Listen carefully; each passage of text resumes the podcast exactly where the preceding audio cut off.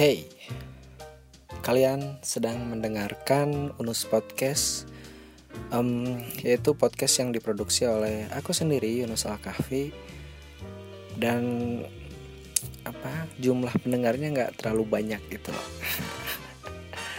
Halo, apa kabar? Ketemu lagi bareng aku uh, di Unus Podcast di episode ke 29 ya kalau nggak salah ya segituan lah. Setelah kemarin ngobrol-ngobrol sama dosen milenial dan uh, adik aku siswa atau anak generasi Z gitu um, sekarang aku mau nolok lagi. Um, dan aku mau ngomongin ya sebenarnya aku nggak mau ngomongin corona ya.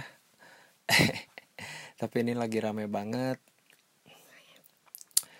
um, ya kayak episode sebelumnya nggak tahu episode berapa ya aku percayanya gitu kalau eh udahlah corona mah nanti juga bakal lewat. Kayak ya amin ya bakal lewat cepet-cepet lewat. Kayak wabah-wabah sebelumnya eh, contohnya SARS gitu. Oh pada ngalamin gak sih kalian SARS? Um, ya tapi ternyata tidak ya. Sekarang jumlahnya angkanya makin naik. Dan ada yang memprediksi ya amit-amit ya aku ya. Bukan memprediksi ya ini, katanya ini tuh kondisi Italia beberapa minggu ke belakang. Dan kalau kita lihat sekarang Italia itu uh, menerapkan lock, uh, lock lockdown ya. Italia lockdown uh, uh, yang ekstrim adalah social distance-nya. Hmm, di mana orang kalau keluar juga harus bawa surat izin. Um, ya, ya sumber yang aku jangan sumber atau apa ya pokoknya ada informasi yang aku dapetin uh, percakapan dua orang gitu. Salah satunya di Italia yang nyeritain ya kalau keluar harus bawa surat izin surat izin mau membeli apa eh, logistik makanan obat-obatan yang gitu gitulah ya mudah-mudahan Indonesia nggak sampai kayak gitu ya. Amin. Karena benar-benar apa ya um, bikin paranoid mungkin ya. Dan itu yang aku hindari sih. Aku aku pengen um, gimana ya ngomongnya? Aku tuh nggak mau terlalu paranoid karena aku sadar itu bakal nyusahin diri aku sendiri dan uh, itu tuh bawa apa ya bawa energi negatif lah ya paranoid itu. Dan itu nggak baik juga buat awalnya nggak baik untuk kesehatan mental aku dan nanti bisa merambat ke kesehatan fisik aku gitu. Uh, kayaknya aku udah pernah bilang deh di episode berapa gitu tentang hmm, hubungannya kesehatan mental sama kesehatan fisik gitu. Di mana uh, faktor pikiran itu sangat besar. Jadi orang yang apa ya orang yang sakit itu katanya sumber penyakitnya itu ya karena banyak pikiran gitu karena stres. Jadi mentalnya goyang jadi penyakit cepat masuk yang gitu gitulah sisanya ya pola tidur pola makan. Um, apa kabar kalian semuanya? Lagi-lagi aku nanya itu karena uh, pertanyaan apa kabar kali ini tuh bener-bener aku pengen tahu ya. Kalau di episode sebelumnya ya basa-basi aja sih aku nggak peduli juga sih sama kabar kalian sebenarnya. Ya basa-basi aja bridging awal-awal gitu. Ya mudah-mudahan um, sehat-sehat aja gitu ya baik kalian atau keluarga kalian orang-orang uh, terdekat kalian atau lingkungan kalian mudah-mudahan. Um, apa ya? Aku nggak tahu ya bagaimana pengalaman kalian tentang uh, wabah corona ini. Karena aku percaya pengalaman yang berbeda pasti punya perspektif berbeda dan pastinya bakal uh, menghasilkan output yang beda juga gitu. Maksudnya output di sini tuh uh, opininya beda. karena ya bisa kita lihat ya uh, ada yang sangat paranoid ada yang uh, ya yang paranoid paranoid ya apa yang parno parno yang cuek cuek gitu sampai kita nggak habis pikir gitu kok kok ada gitu orang cuek ini nah aku tuh nggak mau aku nggak terlalu cuek nggak mau ya karena selain selain ini ada hubungannya sama keselamatan aku ya keselamatan orang-orang terdekat aku juga gitu. Om ya terlalu parno juga nggak mau karena tadi aku nggak mau om aku ma mau uh, menciptakan mensana incorpore sano itu loh di dalam badan yang sehat terdapat jiwa yang kuat. Kayak apa sih artinya? Itulah pokoknya. Jadi ya apa ya apa ya aku mau tahu pengalaman kalian gimana sih tentang ini gitu. Ya aku nggak tahu ya eh apa aku nggak bakal dengar respon kalian langsung tapi um, apa ya yang ekstrim itu ya dari wabah ini ya social distance ya. Karena lockdown enggak kan e, beberapa waktu yang lalu e, pemerintah tidak memperlakukan lockdown katanya. Dan diganti bakal ada uh, cek massal ya cek apa cek up massal yang ngecek kalau lu tuh kena corona atau enggak dengan alat yang dibeli.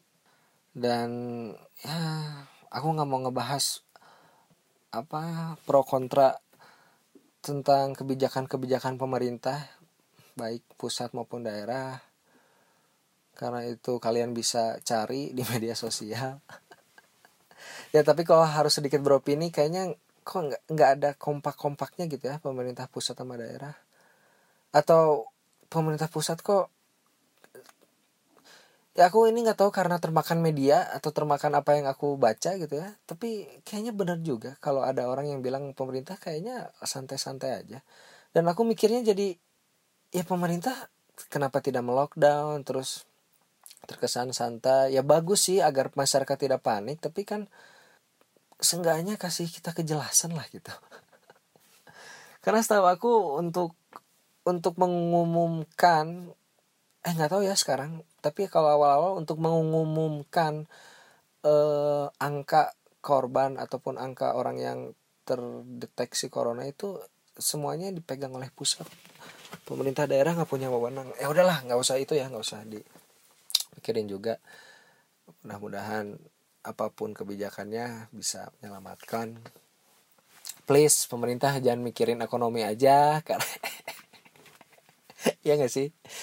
Setiap setiap setiap keputusan pemerintah itu aku mikirnya selalu wah ini nggak wah ini masalah ekonomi ekonomi. Karena ya di saat negara-negara ngelockdown kita masih promosi wisata aku kan mikirnya jadi ya aku ya pribadi mikirnya ya ya butuh dana aja gitu. Negara kita tuh butuh dana karena banyaknya utang belum lagi beberapa waktu ke depan mau rencananya mau pindah ibu kota. Jadi ya nggak salah gitu kalau ada orang yang mikir ya demi apa demi menyerap investor sampai harus seakan-akan mengorbankan rakyatnya sendiri aku nggak ngerti lah. Aku bukan politikus juga. Tapi apa sih yang berdampak ya? Ber, uh, wabah ini ya fenomena ini dampaknya buat kalian apa sih? Buat para introvert kayaknya nggak terlalu ngaruh deh. Uh, buat aku aja ya aku nggak tahu ya aku introvert atau enggak tapi ya emang keserian aku di rumah gitu ya kalau apalagi sekarang kuliah udah nggak ada kelas ya paling yang terganggu jadwal bimbingan aku mungkin lulus lebih lama uh, jangan ya Sepozim jangan jangan tertunda ya tertunda. Tapi jangan lama jangan lama-lama lulusnya amin. Uh, atau apa ya hal-hal kecil kayak uh, ya at least kalau aku di jalan gitu ya aku jadi mikir dua kali kalau mau ngasih uang gope ke polisi. Gope ya ya gak sih? Nah misalnya aku mau muter nih ya mau U-turn gitu. Mau muter balik kan biasanya ada tuh uh, polisi-polisi go apa ya polisi gope itu? Polisi-polisi indie gitu ya. Tidak tidak tidak ada labelnya gitu kan. Kalau polisi yang ada labelnya mah pakai seragam gitu ya kerja. Ini polisi-polisi indie yang ya paling dikasih gope. Nah aku aku udah nggak mau ngasih itu takut takut bersentuhan ini itu itu lebay gak sih? Enggak dong ya. Enggak dong kan demi keselamatan aku keselamatan orang-orang terdekat aku. Makanya aku suka aneh ya ke orang-orang yang yang cuek-cuek itu kayaknya kayaknya dia nggak punya orang yang dia sayang ya nggak sih? Karena logikanya nih kalau aku aku misalnya aku menghindari uh, keramaian itu ya kan takut aku kena corona uh, amit-amit aku kena kan bisa berdampaknya ke orang-orang terdekat aku. Ya at least keluarga aku di rumah gitu. Ya amit-amit janganlah ya.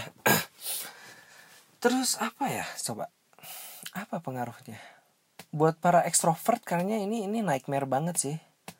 Hmm, udah banyak juga kan uh, kayak yang day one social distance day two day three. Ada juga yang mencoba menghibur diri dan ya dia nggak cuma menghibur diri sendiri saat dia upload di media sosial itu jadi jadi hiburan juga buat kita lucu-lucu. Social distance apa stay at home challenge atau apa gitu. Apa ya ngomongin apa lagi? Ya media sosial ya aku tahu. Kalian tahu uh, perkembangan tentang wabah ini dari mana sih? Hmm? dari, dari media sosial atau dari atau mungkin di lingkungan kalian udah ada? Karena aku yakin uh, ya itu dia tadi ya pengalaman yang berbeda bakal mengeluarkan output yang mengeluarkan output output kan keluar. Um, pengalaman yang beda bakal menciptakan output yang beda juga bakal ada perspektif beda juga akan beda gitu ya ketika kita melihat atau mm, mengikuti informasinya di media sosial aja dengan orang yang emang emang menghadapinya secara face to face gitu. Ya contohnya kayak uh, teman-teman tim medis kita kan mereka kan itu bener-bener di depan mata mereka gitu korban-korban corona atau ya ataupun hanya masih dicurigai. Tapi aduh aku nggak ngerti eh nggak tet tetap ya aku masih nggak ngerti sama orang-orang yang cuek ini. Mereka mikirin tim-tim medis yang me mempertaruhkan nyawa mereka nggak sih ha? aduh. Coba kalian di antara kalian ada nggak sih yang ngerasa kesel gitu ya ke orang-orang yang uh, cuek gitu? Tapi ternyata orang yang cuek itu ternyata orang terdekat kalian. Kalian mau ngapain? Misalnya nih ya kalian ngeliat di media sosial terus kayak fenomena liburan corona aja itu kan tai ya. Terus kalian udah ngetai tai orang itu ternyata orang terdekat kalian itu yang kayak gitu gimana tuh atau ternyata keluar di grup keluarga di grup WhatsApp keluarga kalian ada yang kayak gitu gimana perasaan kalian? Anjing ternyata yang gue gue yang gue tai tai itu keluarga gue sendiri. Tapi ya ya yang cuek-cuek yang panik-panik. Uh, ngomong-ngomong tentang panik ini aku jadi keingetan.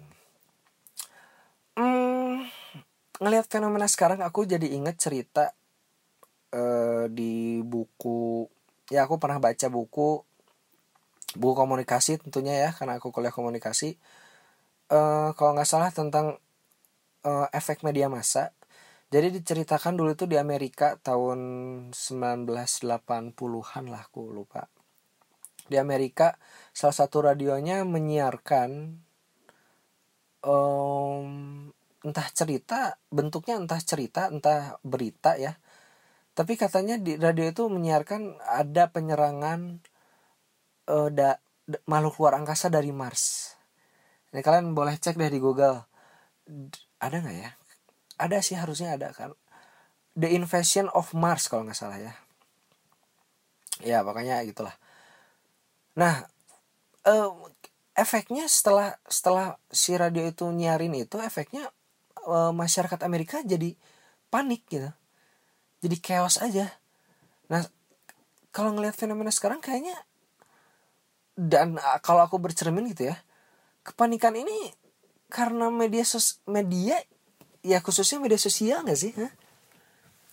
Semakin banyak kita mengkonsumsi media sosial terkait berita-berita corona ini semakin parno dan itu uh, dengan dasar itu aku membatasi apa aku membatasi diri aku sendiri untuk tidak terlalu kepo tentang ini gitu. Ya balik lagi karena aku nggak mau terlalu parno. Um, dan ini mungkin menjelaskan juga kenapa dulu SARS ya aku kan punya apa punya asumsi gitu ya ini mah bakal lewat aja kayak SARS gitu. Tapi ternyata tidak. Yang lahir malah panik buying terus eh, kecemasan di apa di tengah-tengah masyarakat. Nah aku mikirnya ya karena emang dulu emang nggak ada media sosial. Padahal katanya kan corona ini tidak apa tidak lebih bahaya dari SARS ya. Eh, aku aku takut salah juga ya. Ya mau lebih bahaya atau enggak tapi ya menurut aku media sosial punya peran penting sih di dalam penyebaran kecemasan ini gitu. Dulu SARS itu tahun 2000 wah lupa nih. 2000 awal lah kalau nggak salah ya. 2001an 2002 lah kalau nggak salah. Eh, cek aja di Google. Itu tuh belum belum media sosial belum seramai sekarang. Twitter aja aku aktif Twitter itu kuliah dan itu tuh 2007 ke atas lah. Nah sekarang itu udah ada media sosial. Jadi maksud aku dulu itu akses kita untuk mendapetin informasi tentang SARS itu ya paling dari media massa aja Nah kalau sekarang ya informasi bisa kita dapetin dari genggaman kita apalagi udah ada smartphone kita bisa buka Twitter, Instagram atau portal-portal berita langsung dari genggaman gitu. Kalau dulu mau buka Twitter itu harus di PC bahkan rumah yang punya internet juga nggak belum banyak. Ya ingat gitu ya dulu aku mengajak teman-teman ke rumah itu uh, dijilatnya dengan ayah ke rumah yuk buka Facebook gitu. Saking saking saking belum umum saking nggak langka ya saking masih jarang gitu internet masuk rumah itu. Ya warnet juga masih banyak kan dulu. Eh eh kok jadi warnet sih ngomongin apa sih? Oh ya sekarang media sosial udah bisa um, kita akses dari genggaman kita dan um, ya kita jadi lebih mudah untuk mengakses informasi uh, dalam hal ini ya tentang corona. Jadi itu yang menurut aku ya bikin panik itu ya yaitu karena banyaknya informasi yang too much information gitu ya. Nah jadi aku kalau aku ya kayak kalian punya cara kalian masing-masing. Tapi kalau buat aku ya aku membatasi diri untuk tidak terlalu kepo tentang corona. Karena ya ya kebuktian gitu semakin aku mencari tahu tentang ini ya semakin banyak referensi gitu ya yang aku nggak tahu itu hoax atau enggak. Kayak ya banyak ya beredar video-video yang katanya ini pesan dari Itali buat orang Indonesia. Ya ditambah dengan lagu-lagu dan visual-visual yang emang bikin serem juga gitu. Itu ngaruh banget ke psikis gitu. tapi ada juga kemarin-kemarin video yang apa memberitakan bahwa China sudah berhasil dan ya karena sudah berhasil mereka mengirimkan tenaga-tenaga mediknya untuk negara-negara lain dan dikemasnya beda gitu. Lagunya lagu semangat foto-fotonya oh, perawat-perawat uh, tersenyum videonya perawat-perawat melepas masker mereka. Ya ya itu dia tadi ya ya konten-konten di media sosial itu kalau buat aku ya ya ngaruh banget sih dari kepanikan ini makanya kalau buat aku aku batasin Hah, apalagi ya? Aku mau bahas apa lagi ya? Um, oh ya, kemarin aku ya aku aku, uh, aku kan membatasi ya, bukan berarti aku tidak tidak mau mau tahu banget tentang ini. Aku uh, baca bacanya yang ya yang di permukaan aja ya gitu ya, nggak mau terlalu dalam. Um, ada kemarin itu video yang kalian nggak tahu ngelihat atau enggak tapi kayaknya ngelihat karena sempat uh, rame juga di internet. Video yang menjelaskan pentingnya social distance ini kita terapkan gitu. Yang videonya itu ada animasi kayak kelereng gitu loh ya atau kayak yang ada grafik itu yang bentuk grafiknya tuh kayak apa sih yang ngejendol gitu kayak nenen gitu loh. Kok nenen sih? Gunung gunung kayak gunung gitu ya. Kok nenen? Ya kayak ya kayak nenen bentuknya. Ya kayak gunung gitu dan uh, ya katanya dengan dengan melakukan social distance ini memang tidak 100% uh, memotong atau menghentikan penyebaran virus yang terkena pasti ada tapi setidaknya dengan social distance ini kita bisa mengurangi angka kematian. Ya karena masalahnya ada di tenaga medis itu apa rumah sakit yang menampungnya juga kalau terlalu banyak yang kena kasus corona rumah sakit nggak bisa ya dengan segala apalagi Indonesia gitu ya yang rumah sakitnya belum canggih atau sebagus di luar kalaupun ada yang bagus itu tuh swasta. Bahkan aku dengar ada rumah sakit di Bandung karena dia swasta dia tidak menerima pasien corona. Bangsat sih tapi ya gimana gitu ya itu itu hak mereka gitu bu, bukan rumah sakit negeri. Nah dengan social distance ini ya sengaja bisa ngepres atau menekan uh, tingkat kematian lah. Ya kalian kalian pasti kalian pasti atau carilah apa ya judul videonya ya lupa aku. Dan ketika aku uh, lihat itu menurut aku make sense jadi ya aku percaya aja gitu. Oke okay, aku social distance tapi nggak mau terlalu ekstrim. Uh, ya benar gitu ya kata orang-orang keluar aja kalau emang perlu banget. Dan ya bersyukur masih belum seketat Italia dan mudah-mudahan jangan sampai ya uh, ya aku aku aku percaya tentang itu gitu. Makanya saat aku gimana ya ceritanya? Jadi waktu itu aku keluar. Karena aku harus bimbingan. Aku bimbingan uh, ketemu dosennya di rumah. Di rumah dosennya gitu. Karena uh, apa perkuliahan libur ya. Sekolah-sekolah juga pada libur kan. Aku ke bimbingan. Setelah bimbingan aku mau ke perpustakaan waktu itu perpustakaan belum belum tutup perpustakaan di kampus. Nah di perjalanan aku ke kampus itu udah mulai ramai social distance ya walaupun masih awal-awal. Dan aku ngelihat di media sosial ya kayak Jakarta mau-mau pada sepi jalanan sepi. Dan itu kabar baik buat aku sebagai orang pembenci macet gitu ya. Wah oke okay nih gitu aku jalan aja ke kampus. Di tengah jalan tepatnya di gedung sate aku menemukan segerombolan orang nggak awalnya macet. Awalnya macet dulu. Ini ini katanya social distance gitu. Kok macet gitu ya? ternyata ada ada demonstrasi loh. Anjir itu aku nggak habis pikir. Itu karena aku aku aku keluar ya. Aku keluar rumah itu dengan dengan apa ya? Yang ada di kepala aku tuh oke okay, social distance. Orang-orang pada social distance nih gitu. Orang-orang pada um, menghindari keramaian gitu. Bahkan eh, event-event yang emang apa yang emang berpotensi mengumpulkan orang banyak itu pada di cancel gitu pada diundur. Nah dengan modal kepercayaan itu dengan modal itu di benak aku dalam kepala aku pas aku ngelihat orang-orang demonstrasi itu kan jadi anjir ini orang ngapain sih gitu kok? Nggak habis pikir aja gitu ya. Di saat orang-orang apa um, menjaga diri dari keramaian kok ini malah ikut, bikin keramaian 100% sadar bikin keramaian. Dan selidik punya selidik pas aku dengerin teriakan-teriakannya ya ini terkait dengan kebijakan omni omnibus law eh omnibus law ya? Ya omnibus law gitu. Tenaga kerjaan gitu kan kalau nggak salah. Dan ya setelah aku tahu itu omnibus law aku terbesit aja gitu bahwa ya buat mereka gitu ya virus kor ya wabah corona ini belum belum terlalu kuat eh, bukan bukan suatu ancaman yang nyata gitu. Maksudnya buat mereka ada ada ancaman yang lebih urgent juga gitu ngerti gak sih? Makanya mereka seakan-akan menepis semua bahaya corona dan memutuskan untuk oke okay, aku demonstrasi.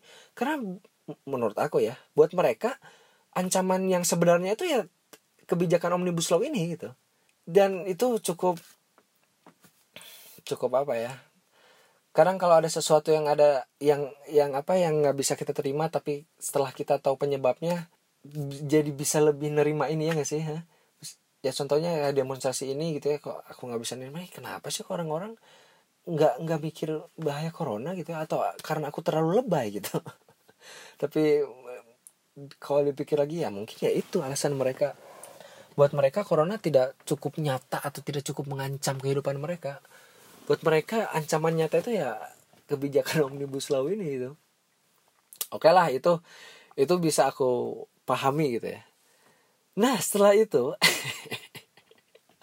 muncul gitu fenomena liburan corona. Anjir ini astagfirullahaladzim ini ini aku nggak lebay ya. Maksudnya aku nggak lebay kan untuk bilang kalau ini orang-orang mau apa sih sebenarnya ini orang-orang sadar nggak sih? Ini orang-orang peka nggak sih tentang ini tuh ini tuh fenomena global loh. Maksudnya ini kan pandemi ya. Ini skalanya udah dunia loh. Negara-negara lain itu udah pada nge-lockdown dan ini udah udah banyak berjatuhan korban. Uh, anjir masa mereka nggak peka sih maksudnya? Kok bisa sih gitu? Ngerti gak sih? Kok bisa sih liburan gitu? Libu uh, liburan dan ke, tempat ramai gitu bikin duh anjir. Kalau ini aku nggak nggak bisa apa nggak nggak bisa mikir positif ya kalau yang demonstrasi tadi kan aku bisa nyelipin nyelipin oh mungkin mereka emang ya mereka lebih terancam dengan omnibus law gitu.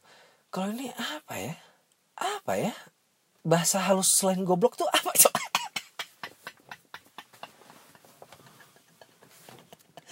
oh iya iya. Mungkin mungkin emang gini ya cara alam untuk menyeleksi orang-orang uh, goblok. Kalian kalian pasti sering dong uh, ngelihat media ngelihat berita atau ngelihat kelakuan orang-orang di media sosial terus kalian di hati kecil kalian itu kayak anjing ini orang goblok sih ini kok orang nggak belajar sih? Kok orang nggak mikir? Ada dong pernah dong kayak gitu. Dan ya mungkin ini inilah kesempatannya untuk mengeliminasi orang. Demi demi demi keseimbangan dunia. Demi dunia yang lebih baik lagi ya nggak sih? Astagfirullahaladzim anjing jahat nggak sih? Nggak maksudnya anjing tolong lah gitu ya. Ah gimana ya eh, eh, jahat juga sih ya kalau punya jahat nggak sih aku punya pikiran kayak gitu? Kasarnya nih ya kasarnya. Ya ya mampus aja lu lah orang-orang goblok itu astagfirullahaladzim. Ya gimana dong? Hmm? mau ya apa apalagi negara kita negara demokrasi gitu kan. Terus uh, ya aku mah selalu percaya ya Indonesia itu belum siap untuk demokrasi ya karena demokrasi menurut aku demokrasi bisa uh, berjalan efektif itu di saat rakyatnya itu udah tingkat pemahamannya itu ya at least tingkat litera pemahaman literasinya itu udah udah udah cukup udah oke okay lah gitu. Nah, fenomena liburan corona itu kayaknya orang-orang ini kurang ah, anjir aku nggak tahu ya, mungkin kurang baca kurang dapat informasi tentang corona mungkin karena kalau kalau buat aku ya ngelihat berita ya di negara Cina, Iran, Itali bahkan ya sampai atlet-atlet yang aku pikir wah atlet-atlet profesional NBA, atlet-atlet sepak bola yang aku mikirnya wah pola pola hidup mereka udah sehat. Tapi masih kena juga ya menurut aku mah ini ancaman sih. Nah makanya kayaknya ini orang-orang yang liburan atau orang-orang yang cuek ini kayaknya nggak nggak nggak banyak dapat asupan berita tentang ini deh. Atau kalau atau kalau emang mereka udah dapet tapi mereka masih cuek aja ya ya goblok aja berarti mereka. Yang emang harus aduh bukan harus ya emang ya harus sih ya harus ya eliminasi lah gitu. Astagfirullahaladzim. Ini ini buat teman-teman yang menurut kalian berbeda itu keren ini jangan dipakai sekarang lah gitu ngerti gak sih? Ada kan yang ini orang berlomba-lomba sebeda mungkin untuk kelihatan keren. Nah jangan dipakai sekarang lah. Nyawa ini taruhannya gimana sih? Ya kalaupun nggak lu nggak mikirin diri lu ya mikirin orang-orang terdekat tuh lah. Ya makanya aku mikir aku tadi mikir orang-orang yang cuek dan skeptis ini tuh kayaknya nggak punya orang-orang yang disayang di sekitarnya gitu ya ah nggak tahu ya mungkin bener ya mungkin bener ya itu ya mungkin ini cara ya terdengar jahat tapi kayaknya nggak nggak salah salah amat juga gitu ya ya mungkin ini cara alam untuk menyeleksi orang-orang um, ngomong-ngomong tentang demokrasi, kalian pernah dengar gak sih istilah suara rakyat adalah suara Tuhan? Fox Puli, Fox apa gitu ya bahasa latinnya aku lupa. Ya pokoknya artinya itu suara rakyat adalah suara Tuhan. Nah kayaknya bukan rakyat-rakyat yang liburan corona ini deh suara Tuhan itu.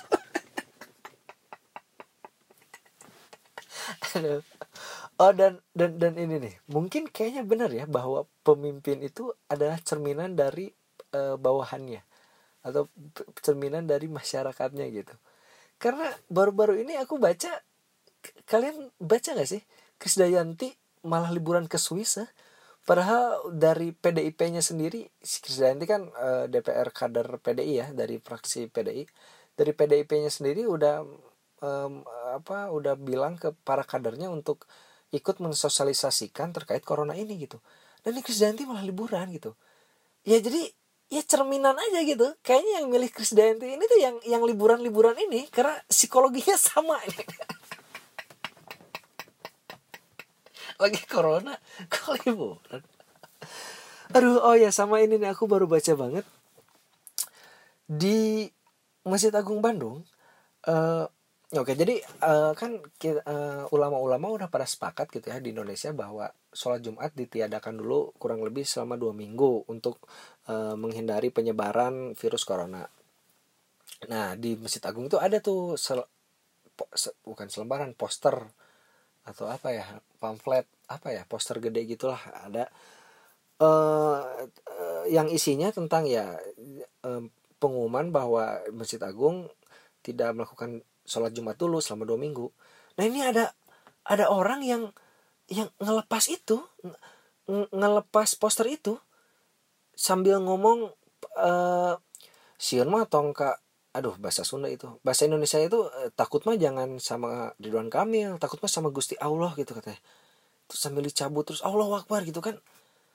Aduh ini ini nih yang bikin yang bikin orang-orang jadi skeptis sama agama. Udah mas skeptis sama pemerintah sekarang skeptis sama agama. Kita harus berpegangan sama sama siapa gitu. Ini orang-orang kayak gini tuh ya balik lagi ya mereka nggak lihat gitu ya. Mereka nggak baca atau mereka nggak dapat informasi bahwa ulama senior juga ya sekelas Quraisy apa aja udah udah bilang ya menganjurkan untuk ya ya sholat di sholat di rumah aja gitu. Hindari dulu lah keramaian keramaian aduh nggak ngerti aku eh beberapa menit? Eh udah lebih dari setengah jam oh my god. Udah tutup aja ya. Jadi kesimpulannya please jangan goblok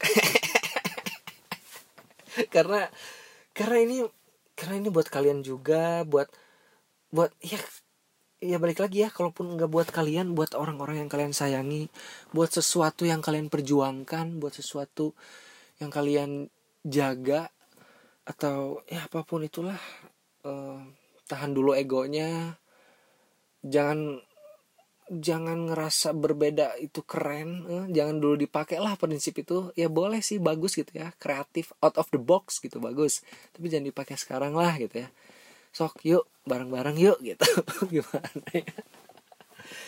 Um, jangan terlalu cuek tapi jangan terlalu parno juga. Um, ya apa ya ada hikmahnya nggak sih? Mungkin hikmahnya ya kita jadi lebih lebih dekat sama orang rumah mungkin istirahat dulu gitu ya dari aktivitas ya work from home gitu ya. Tapi ya mungkin kita jadi punya banyak waktu sama uh, keluarga kita atau mengistirahatkan badan kita. Ya pokoknya tetap jaga kesehatan buat teman-teman. Uh, oh ya buat teman-teman yang entah kalian atau mungkin keluarga kalian yang apa bekerja di rumah sakit entah itu perawat dokter bahkan sampai level satpam rumah sakit uh, aku mau ngucapin terima kasih selamat berjuang. Ya aku tahu pendengar podcast ini nggak banyak banyak amat tapi aku bener-bener angkat jempol untuk kalian. Uh, seperti yang beredar gitu ya di media sosial mereka pakai kertas HVS gitu kan. Kami di sini untuk kalian kalian di rumah aja ya apa gitu ya ya itu itu bagus sih campaign itu. Ya terima kasih udah ada di barisan paling depan mengorbankan waktu kalian tenaga kalian bahkan taruhannya nyawa gitu ya. Terima kasih banget. Nah untuk menghargai mereka yuk ah gitu. Ngerti gak sih? Yuk ah jangan goblok. Jangan liburan dulu aduh. Ah udah pokoknya tetap jaga kesehatan stay positif jangan terlalu lebay. Uh, aku lebay gak sih? Hah? dengan bikin podcast ini lebay gak sih? Pokoknya jangan terlalu cuek tapi jangan juga terlalu parno. Tetap jaga kesehatan uh, sayangi diri kalian sendiri atau sayangi orang-orang yang kalian sayangi. Om semoga eh, wabah ini cepat berlalu. Semoga ramalan bahwa puncaknya akan ada di bulan Ramadan. Itu nggak benar eh, tapi kayaknya oke okay juga ya. Ya aja nggak maksudnya kalau dengan social distance ini ya at least kita nggak usah keluar duit buat buka bersama lah iya gak sih? Kan boros banget gak sih kalau buka puasa bersama bersama itu? Ah udah ah pokoknya sehat-sehat terus. Makasih udah ngedengerin. Mudah-mudahan ada manfaatnya. Uh, stay positif sehat selalu. Sampai jumpa di episode selanjutnya. Bye bye Thank you.